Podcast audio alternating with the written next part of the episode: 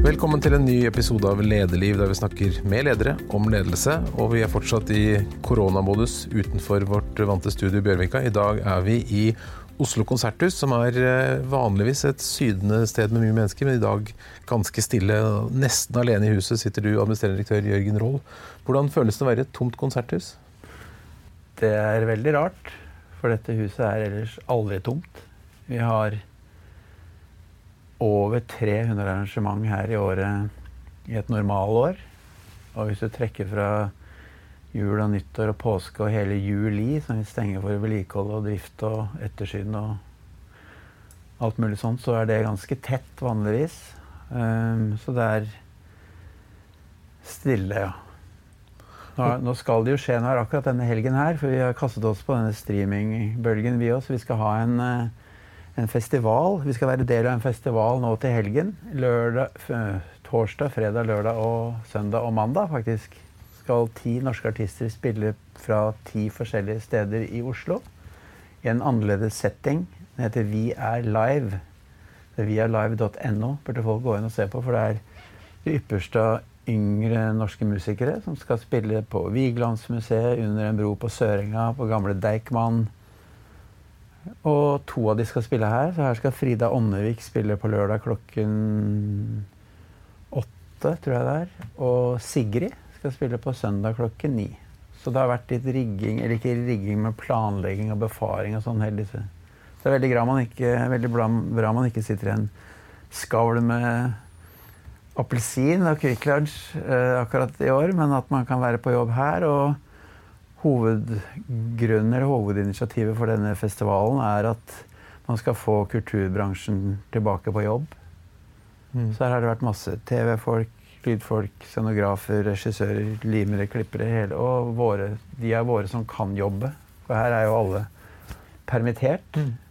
Vi skal snakke litt mer om korona etter hvert, men litt, starte litt med deg, Jørgen. Du har jo mange år i reklamebransjen, du etter hvert uh, ble festivaldirektør i Norwegian Wood, og så etter hvert til uh, Konserthuset som administrerende direktør. Men når ble du leder første gang? Var det allerede i barndommen? Ja. Første gang jeg har vært leder, var faktisk i Brunt kull i Ulvungen i første Blommenholm. Altså at man måtte man måtte be noen andre eller koordinere noen andre til å få et eller annet gjort i fellesskap. Eller i kanskje større grad i Bjørnepatruljen i første Blommenholm, som speider. Det er ganske mange voksne i dag som har ledererfaringen sin fra, eller første ledererfaring fra speider. Ja, jeg har sett Erna Solberg. Hva, har hun det? Ja.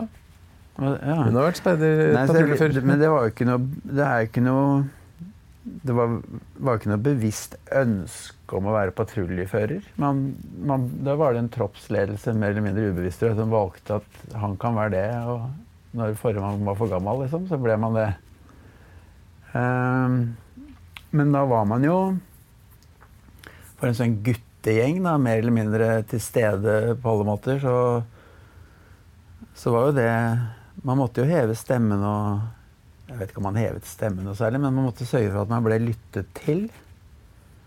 Og man måtte jo ta Man ble jo tvunget i ung alder til å ta noen valg for andre. Til å bestemme noen valg for at det skal dit, eller nå skal alle ikke være her. Et eller annet sånt, og teltet skal stå der, og alle de der basale turgreiene. Så så øh, søkte jeg befalsutdanning når jeg kom i Forsvaret. Og gikk sånn utskrevet sersjantkurs. Da var det jo ledertrening. Og så jobbet jeg også som befal i Garden utover førstegangstjenesten mens jeg trente friidrett og tok forberedende. Så du, da ble du ordentlig leder, altså? Jeg vet ikke det heller, men det var i hvert fall eh, Nei, det er i hvert fall en verdifull trening, det. Og der er det enda Da ble jo det på et annet nivå i forhold til speideren, at Da var det jo en del kanskje kjipe ting man måtte gi venner og medsoldater en ordre om. Nå skal vi dit, og nå skal vi dit. Og det som var kanskje enda kjipere sånn med å skulle gi ordre, det var når jeg ble hva heter det når man, eh, når man er ferdig med førstegangstjenesten og skal på rep? Rep, ja. Ja. Det er så lenge siden. Jeg er veldig gammel, for de som ikke ser bilder her. Eh, uh, jo, da var jeg troppssjef i skiløperkompaniet HV02. Og det var stort sett gamle idrettsfolk fra Garden og andre på Østlandet som andre Hva heter det? Militærleir, eller hva det? På Østlandet som var samlet i én tropp for å, for å gjøre spesialoppdrag i Nordmarka, Mhm. og da ofte på vinterstid. Og det var jo mange folk man kjente godt. Og det var jo også veldig mange helter. Var, altså, min tropp var full av OL-vinnere som liksom så opp til og hadde autografen til, kanskje. og sånn, Som du måtte fortelle at Hei, Er det noen navn? Får høre noen navn? hvem som var i den troppen? Ja, noen stjerner? Ivar Formoe. Egil Jacobsen. Orienteringsløpere, langrennsløpere. Eh, Så du piska disse roere. Ja, Ja, ja. og da står du der som spirer. For det første så er du ikke i så god form til det, så du kan ikke henge med troppen din. Mm. Vi måtte jo trene før vi skulle på rep. For du visste at du blir godt skinn av. Da må du fortelle Ivar Forme at nå må du gå. Og du må få av deg de joggeskoene. Du har ikke så jævla vondt i akillesen. Få på deg det du skal. så bare kutte ut. Og da var det Det tror jeg var en ekstremt Da skal du være en ganske god diplomat for å få være en, en av gutta, men samtidig få i hvert fall den troppen til å være der de skal til riktig tid. Bare det kan jo være, kunne jo være en utfordring. Men så var du, kom du inn i reklamebransjen etter, deg, etter hvert, og det er noen helt annen type ledelse der enn enn, eh, i militæret, for å si det sånn. Der er det ikke mye ordrer. Nei, og det, det var i JBR i 1986, eh, som da var Som ble det galeste, villeste, beste og mest sett opp til byrået i Norge fra slutten av 80-tallet til langt inn på 90-tallet. Og, og der var balansegangen mellom å være økonomidirektør og samtidig en som ble hørt på, litt av den samme, egentlig. For du måtte jo må i hvert fall skjønne hva alle de kreatørene skal gjøre, hva som er jobben, at det er kunstnere, at de skal De kunne ikke jobbe i et For å si det sånn litt floskelaktig, det, kunne jo ikke være et børsnotert system. Det, må jo, det måtte jo spilles på lag og få til å funke, og de må ha respekt med akkurat for, for å få det beste ut av et byrå, så kan det jo ikke være helt total regime. Kunne ikke i hvert fall da. Du vet jo det, du. du Ja. Og så startet vi jo Dynamo etter hvert òg, det var også lytte og forstå hva den enkelte hva den enkelte, hva det enkelte forretningsområdet eller datterselskapet drev med, og hvordan gjør man det best, og hvordan får du de best til å forstå viktigheten av deg selv oppi det? Og Parallelt med dette så begynte du med en hobby som etter hvert ble jobb, og det var Norwegian Wood-festivalen. Hvordan var det det startet? Um, Det var to venner av meg som hadde truffet hverandre på en eller annen måte. Det var Håkon Hartvedt og Sten Fredriksen. Sten kom fra var den som faktisk startet Kalvøyafestivalen. Og Håkon kjente jeg fra han hadde gymnas og studietiden i USA. Og de hadde vel funnet ut at de hadde en felles venn som var meg, som de ville ha med. Så vi var tre. Som startet det i 19... Vi begynte jo å arbeide med det i 1990, og så hadde vi første festivalen i 1992 på Bærums Verk. Det var ikke svære greiene, det? Nei, det, det var altfor svært første året. Vi skjønte ikke hva vi drev med. det var fire dager og alle stilarter. Og så begrenset vi oss veldig andre året på Bærums Verk eh, til revisor veldig høflig antydet at kanskje vi skulle finne et sted som folk visste hvor var. Bærums Verk var ikke så kjent da. Selv om vi tre var fra Bærum og visste det veldig godt, så visste ikke resten av vennene like godt da. Så vi fant et grønt område på et Oslo-kart som het Frognerbadet. Og så hadde vi et møte med Da het den etaten Oslobadene. Og fikk lov å være der. Og var der fra 1994. Til Ja, nå sluttet Håkon og ble festivalsjef på Notodden tidlig på 2000-tallet. Og Sten pensjonerte seg frivillig i 2011-2012. Og så var jeg med til, vi fikk, til jeg fikk jobben her i Oslo Konserthus i 2014. Da begynte vi å fase inn en ny festivalsjef. Og hva var høydepunktene, de beste minnene fra, fra den? Wood-tiden? ja? Jeg trodde dette var én episode og en halvtime. uh, jeg vet hva, det det er å I det store trekk er det å ha opplevd så mange flotte artister og ha gledet så mange mennesker, over en million mennesker på de årene, med, med en liste artister som er helt ko-ko. At vi i samarbeid med Rune Lem i Live Nation og Gunnar Eide Concert, som det het før, har fått til å få så mange svære artister til. Lille Frognerbanen. Ja, Clapton, Sting, Queens of Stone Age, Foo Fighters, Roger Waters, Neil Young, Bob Dylan, Tom Petty and the Heartbreakers, David Bowie. David Bowie, eh, Mark Knopfler, Eagles, John Mayer Det jeg sa nå, det var 20. Ja. Men når du vet at det har vært 700 artister der, Så blir det ganske mange. så er det ganske mange. Og det er lettere for meg å si hvilke norske artister som ikke hadde vært der inntil 2013-2014, for det var av en eller annen grunn Motorcycle og a-ha. Men a-ha har vært der vært, Altså Morten har vært der. Paul var der med Savoy, men de har ikke vært der som a-ha.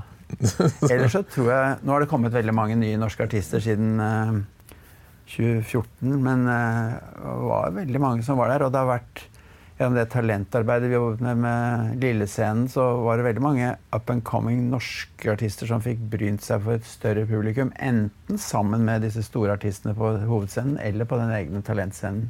Men det, Wood-systemet var jo en veldig liten administrasjon men massevis av frivillige. og det, det å lede frivillig er noe helt annet enn å kommandere folk i, i Forsvaret. Hva lærte du det når du skulle motivere og drive frem så mange frivillige hjelpere? Nei, jeg skulle si at jeg hadde veldig mye erfaring med det, men det var noen i staben som hadde ansvar for frivillig apparat. Og det er det med frivillig at det kan du ikke De er der frivillig, så du kan ikke Det må gjøres litt mer nennsomt. Du kan ikke beordre de i like stor grad som en som er ansatt. Men heldigvis med frivillige i en sånn kulturinstitusjon, så er jo de der pga. musikken. De er ikke der fordi de skal få tida til å gå. De er der for å oppleve musikk og fellesskap med andre og si at de har jobbet på Norwegian Wood og, eller på Øya eller Bergen Festival der. Så det er, det er en utrolig ressurs for en festival å ha mange frivillige. Det hadde ikke gått uten frivilligapparatet. Ikke på Holmenkollen skifestival, ikke på Ullevål stadion, ikke på Tons of Rock eller hva det var. For det er, det er et frivillig apparat, og de er der pga. musikken. Og det merket jo vi at eh, søknader eller tilflyt av frivillige var veldig avhengig av artistlineupen. De årene det var et, Særlig de årene hvor det var Foo Fighters og Queens of Stone Age og Dinosaur Junior og litt mer sånn rocka, litt yngre profil kanskje, så rant vi over og hadde så mye folk som ikke trengte. Mens øh, kanskje på de litt eldre, sånn Ringo Starr, eh, Jackson Brown, Ray Davis, Kinks-greier, så var det ikke så mange under Men hva er hemmeligheten 24 med å få liksom en god organisasjon til å fungere da med, med eh, som jo en, en organisasjon som på en måte pakker sammen hvert år og så opp igjen. Hvordan, jo- hva lærte du av det? Ja, Det er jo utfordringa. Den organisasjonen den skal jo virke ikke en uke før, for det er dyrt. Den skal virke akkurat den dagen, og så skal den ikke virke Du skal kunne legge den sammen nå. Og er det drittvær og gjørme og søle som det da dessverre var, i hvert fall de senere år på Norwegian så har disse frivillige en tendens til å bli borte òg. det er ikke så gøy. Men du gikk jo da fra Wood til Oslo Konserthus, hvor vi sitter nå. Og da er det en helt annen jobb. Du er en kommunalt ansatt leder i en offentlig virksomhet Men Norwegian har vært ved siden av de andre. Det har ikke vært noe betalt. Det har vært ved siden av i alle de årene fra 1992. Nå var det litt lønn de senere årene når vi hadde økonomi til det. Men her var det en helt ny verden for meg i forhold til et Altså Oslo Konserthus AS er eiet av Oslo, av Oslo kommune, så min generalforsamling er byråd for næring og eierskap. Og et, og et eh, politisk oppvalgt eh, oppnevnt styre. Det er en ganske annen organisasjon å lede enn å lede Ja, og, og vi etterlever, selv om vi er et frittstående kommersielt AS og ikke underlagt offentlige anskaffelsesrutiner, og alt der, så etterlever vi de etiske retningslinjene for, eh, for Oslo kommune. Og alle her er jo, eller de fleste er fagorganisert i teater- og scene, eller teater- sceneforbundet. Og Så akkurat den biten hadde ikke jeg vært borti i det hele tatt. Ellers hadde jeg vært borti lys, lyd og sponsorater og publikum og alt det markedsmessige og forretningsmessige. Men øh, det er jo Det er noe man bare må prøve å sette seg inn i. Og akkurat i disse tider med permitteringer og, og dagpenger og Nav og Fagforbundet og Spekter og sånn, det, det er heldigvis første gang jeg har gjort. Og det har vi aldri vært borti her på huset heller, så det var nytt for alle andre òg. Og det har jo vært en Er lov å si jævlig på dette programmet her? Ja, det har vært en jævlig vond følelsesmessig greie å måtte finne ut av et minste felles multiplum av hva man kan forsvare å ha av folk ut fra en styrebeslutning om sånne, sånne økonomiske konsekvenser opp mot hva er det minste man kan ha her for å ha en driftssjef som overvåker ventilasjon, fjernvarme, strøm, som gjør en del driftsting nå som huset er tomt. Eh, et minstemål av markedsføring for å informere om flytting og avlysning av konserter. Det samme på booking, for å jobbe med displaner ut år og neste år for å flytte ting. Og også en i billettluken for å legge ut ting og kansellere billetter og svare på spørsmål. Og ingen av disse kan jobbe her på huset heller. Så det, er, det var hjemmekontor og tekniske løsninger og alt dette her midt oppi permitteringstekniske ting på én gang. Så mars måned var veldig bra den, inntil 12.-13. mars, eller når det var. Når skjønte du at dette kom til å bli så vanskelig? Begynnelsen av mars. Vi opprettet jo smitteverntiltak her med utvidet renhold, desinfisering av dørhåndtak og avstand og færrest mulig fysiske møter. Og oppfordret jo et par uker før påbudet kom om at folk måtte jobbe hjemme. Men vi så det Det var vel jeg tror, det, jeg tror, de fleste som sier at de så hvordan samfunnet skulle se ut nå, de, de ljuger. For jeg tror ikke alle så alle konsekvenser på dette, og hvor lenge det kan kanskje se ut som noe av det varer. Hvordan føltes det å skulle si til folk at de måtte permitteres? Nei, Det er helt jævlig. Dette er venner, gode kollegaer og kjempedyktige folk. Hvis du ser på Kultur-Norge sånn totalt sett, hvordan syns du bransjen har tatt dette? Um, vi har jo sett veldig mange kreative måter å få formidlet kultur på. Det kom veldig fort. Um, både med kinovisning, streamingting, selvfølgelig. Det er jo til og med visning av museer. Um, så der, der, har kreativiteten kommet til sin Slått ut i full blomst. Og det kommer veldig fort.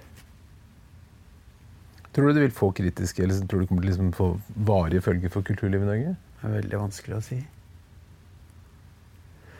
Um, det er jo Det vil jo få varige konsekvenser i den forstand at det er nok en del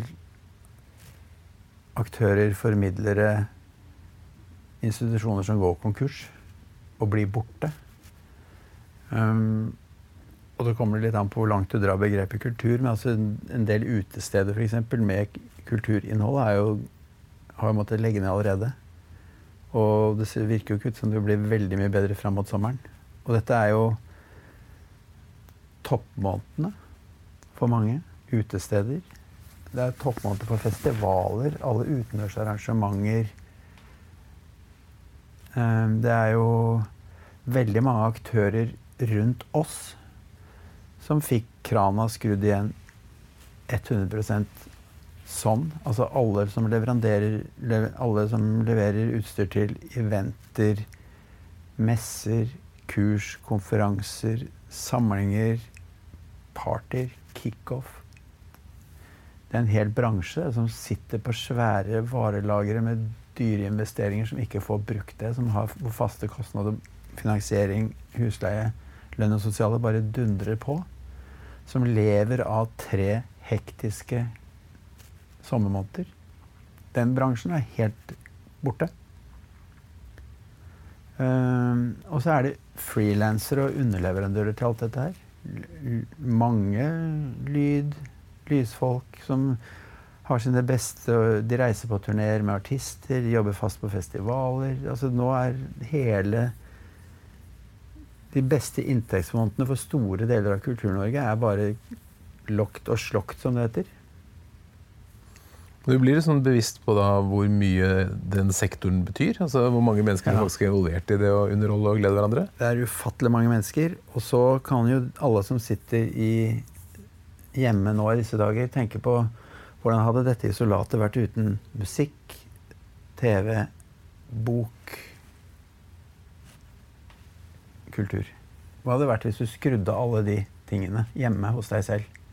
Ikke lov å se på musikk, ikke lov å lese bok, ikke lov å se på film eller TV. Jeg hadde blitt lei av ludo eller yatzy. Jeg håper du har en hund som kan gå på tur. Ja, men det er, vet du hva? Det er en, det er en øyeåpner. Altså. Hvor mye kultur er i våre liv. Det er hele tiden. På denne reisen da, fra, fra brunt kull til her på ditt litt uh, fine kontor fra bjørn, ja, unnskyld, brunt kull og Bjørnepatruljen og, og til dette kontoret, hva er det viktigste du føler du har lært om det å lede mennesker?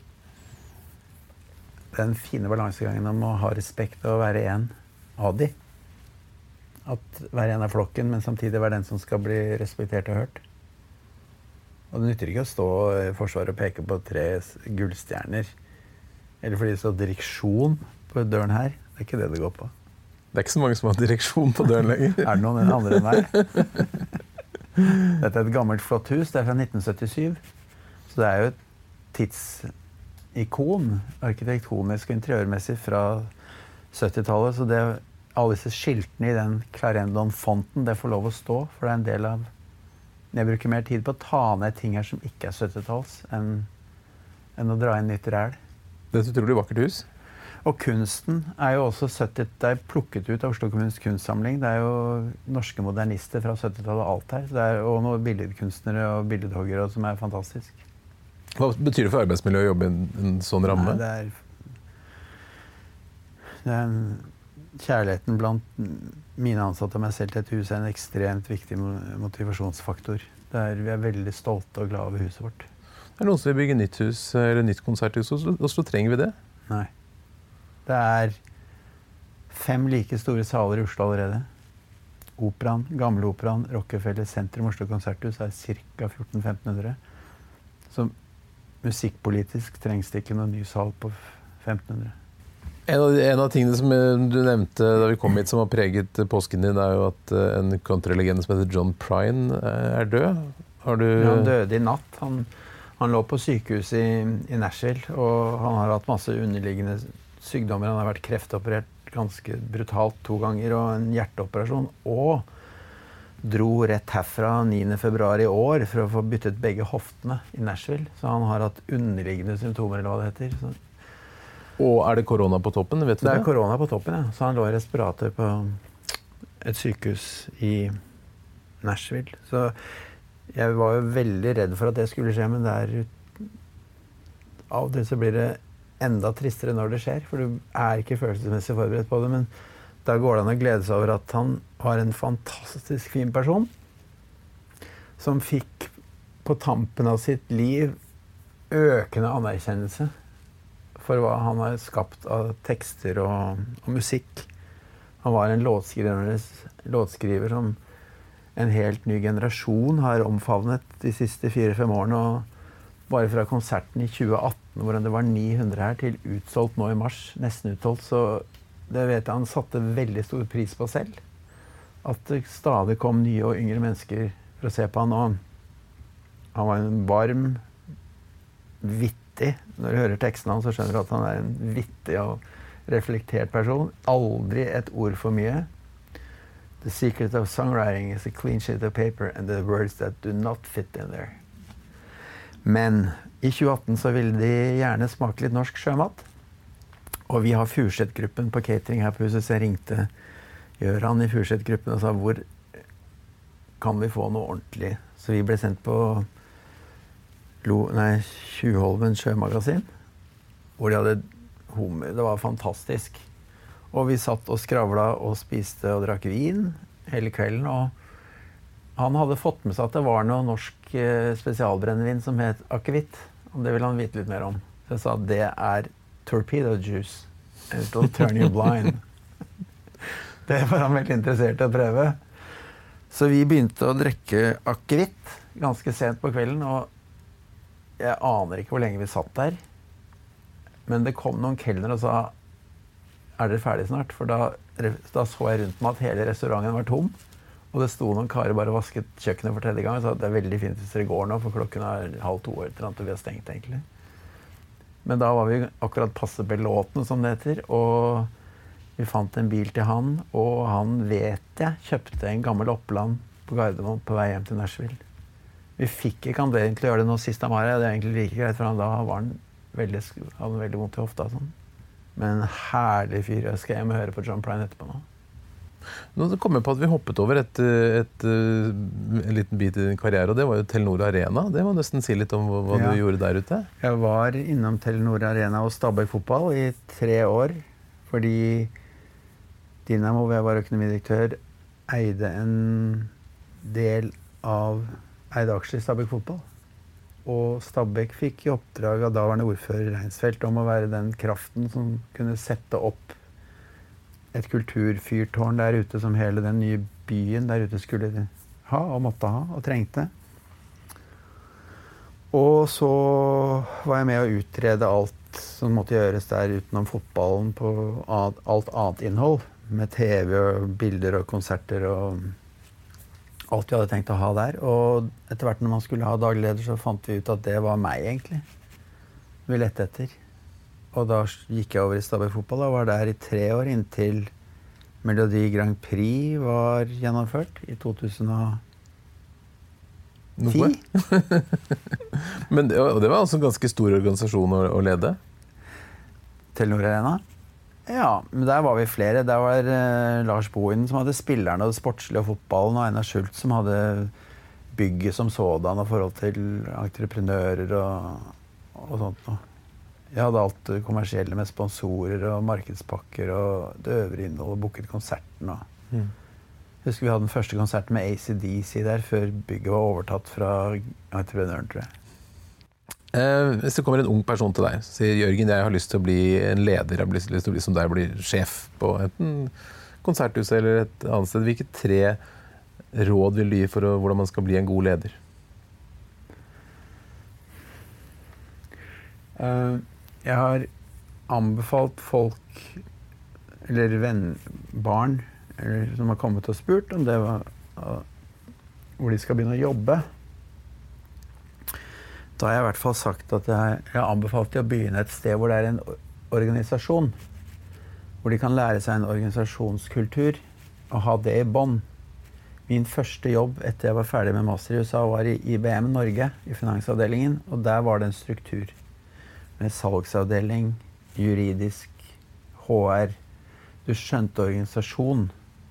For det kan godt sitte og lese på skolen, men det er ganske greit å oppleve hvordan ordentlig veldrevet organisasjon virker. Det får man kanskje ikke inn hvis du begynner i et lite sted hvor det ikke er noe opplegg for nyansatte, eller det er ingenting. Det kan være en god ting å få med seg en første jobb. Et ordentlig strøkent organisasjonsutviklingssted som tar med ansatte også. Så tror jeg det er viktig å ha gjort forskjellige ting. Jeg tror jo, jo mer folk du har møtt, flere språk du kan, jo flere forskjellige kulturer du har vært eksponert for, alt det gir deg en base som du kan trekke på, som man kanskje ikke er klar over hvor viktig er. Jeg hadde en nevø som Han bodde på Eiksmarka. Gikk på la oss si Eikeli og skulle begynne på BI på Nadderud. Altså to bussholdeplasser innenfor Bærum. Han beordret seg ut. Du kan ikke begynne rett på BI. Du må reise litt. Du må pakke en bag og komme deg vekk. Det gjør ingenting om du begynner å jobbe som 21-åring eller som 20-åring. Men det ene eller to eller tre år du bruker til noe annet nå, før du blir 23, det spiller ingen rolle når du skal pensjonere deg, men det spiller noen rolle for de årene imellom. Så vær så snill og ikke begynn der akkurat nå. Det er en nydelig skole og sikkert kjempebra, men du har veldig godt av å gå mer enn to holdeplasser på 37-bussen eller hva det er. Uh, nei, jeg tror det er det viktigste. Det var to råd. Var det to? Ja, det var ja, Det andre var så bra var så bra at det teller som to. Du skal få, du skal få et nummer tre òg. Nei, jeg vet ikke. Bruk huet. Jeg tror man får så mye av å ha reist og ha lært seg et annet språk og truffet helt andre mennesker i, i, i sin egen brytningstid. Og når du sier dette, da refererer du til at du selv hadde utdannet ja, USA tidlig? Jeg fikk sjansen til å bo nesten fem år i USA fra jeg var 20, etter jeg var i Forsen. Og jeg skulle ønske da, og jeg skulle ønske nå, at jeg hadde hatt en legitim grunn for å ha vært der lenger. Uh, ikke permanent, for jeg tror jeg hadde lengtet for mye hjem. Da er det bedre å være her eller dra dit når man kan. Men det har vært så verdifullt for mitt liv. Det var der jeg ble voksen. Og Hva var det som var så magisk med den tiden? Det er vanskelig å sette ord på, men det var en helt annen verden. Var, eh, man, var, man måtte ta egne valg, stå for det. Jeg har mange Mine aller beste venner i dag er de jeg ble kjent med i mange flere i USA enn i forhold til gymnastid og barndom hjemme og sånn. De som ringte meg en natt i forbindelse med at John Prine var død, var studiekamerater i USA. Amerikanere fra Seattle, Phoenix, Denver. John's gone, man. Og den gang så var kanskje avstanden mellom USA For nå er vi på begynnelsen av 80-tallet. Avstanden mellom Norge og USA var uh, betydelig større enn i dag? Kulturelt? Ja, altså, F.eks. det å ringe hjem. Vi skrev jo brev, vet du. Uh, vi ringte hjem på noteringsoverføring til telefonkiosker da det enda gikk an. Uh, og det var ikke sånn å bare fly hjem med Norwegian til høstferien eller til jul. Det var kanskje noen som gjorde det én gang i løpet av de tre-fire årene man var der. Men der vi fikk fatt i, i noen noe svinegreier som vi trodde var ribbe til jul. og var, Fikk fatt i noe norsk øl og noe akevitt på ambassaden eller et eller annet. Og, og, gikk på ski i ørkenen i Arizona når det var 17. mai og var idioter. Men det, det var veldig mye lenger hjemmefra da enn nå. Hva tenker du eh, i disse koronatider, og liksom har vi kommet oss tilbake i klyngen og fått litt tid til å reflektere. Hvordan tror du dette kommer til å forandre verden fremover? Jeg har jo lest Kanskje folk sier at Jeg har lest noen folk sier kanskje det endrer fly- og reisevaner. Kanskje vi ser jo bilder at det faktisk er blå himmel i Peking eller Beijing. Vi ser at det er blå himmel i byer vi aldri har sett himmelen. Eh, smoggen i LA den er jo ikke der om morgenen. Det varer ikke til 12-1 lenger. Det varer kanskje til 9 i verste fall. Så det er jo Jeg vet ikke. Man får jo håpe det. Helt til slutt, eh, er det er noen bransjer som får ufattelige konsekvenser av dette her. med hotell og reise, turisme. Det er jo Det er noen ordentlige greier som skjer nå. Altså. I hele denne lange karrieren din, er det noen ledere du har jobbet sammen med eller sett som har inspirert deg spesielt? Eller noen kloke råd du har fått som du tenker Vet du hva, han som, eh, han som ansatte meg i IBM, heter Hans Thomas Holby. Han har jeg sittet i noen styrer med eller vært inne truffet senere. og han, han er jeg venner med enda, det, akkurat det vi snakket om. At uh, at, uh, at det var et fint intervju. Han syntes jeg var annerledes og litt spesiell, men jeg trodde han kanskje bare kunne være bra. Og, og Ingebrigt Sten Jensen, som var med å intervjue meg for JBR i 86, de lurte på, for de hadde jo ingenting de hadde jo ingen som jobbet med tall eller regnskap eller fakturaer. Det var helt scratch. Han hadde spurt jeg husker, om jeg kunne sånn og sånn. Så det, akkurat det har jeg ikke peiling på, men jeg kjenner en del folk. hadde jeg sagt Ingeborg. Og det syns jeg var greit. Er det andre ting som noen liksom har sagt til deg hvor du har tenkt at det, det, var et bra råd, sånn skal jeg være, sånn det skal jeg ta med når jeg skal være leder? Ikke, ikke konkret som leder, tror jeg, men mer sånn jobb jobbsmarte ting. Har du noen sånn visdomsord eller mantra som du liksom støtter deg på? Det har jeg lært en gang. Det er apropos John Pryan som døde i natt. Nå får vi ikke vært i begravelsen hans. Men det har ingenting med dette å gjøre i det hele tatt. Men hvis du lurer på om du skal dra i en begravelse, om du liksom kjenner kjente vedkommende godt nok, eller, eller burde jeg av andre årsaker ha vært der ut fra familien deres skal se at du kommer og respekterer og sånt. Og så, hvis du lurer på om du drar, skal dra i en begravelse eller ikke, så skal du dra. For det får du aldri hørt om igjen. Godt råd. Og det bruker jeg av og til. Dessverre så er det bekjente som dør. Eh, Jørgen Roll, tusen takk for at du ville være med i Lederliv. Tusen takk. Takk for at du lytter til Lederliv, som er en podkast fra Apeland. Det er Ellen Paulsen, Lars Jarle Melum, Lars Volden og meg, Ole Kristian Apeland, som lager Lederliv. Du får flere episoder hvis du trykker abonner i podkastappen din. Og ta gjerne kontakt hvis du har noen tips eller innspill. Tips at lederliv.no, eller til meg, ole at apeland.no. Ha det bra.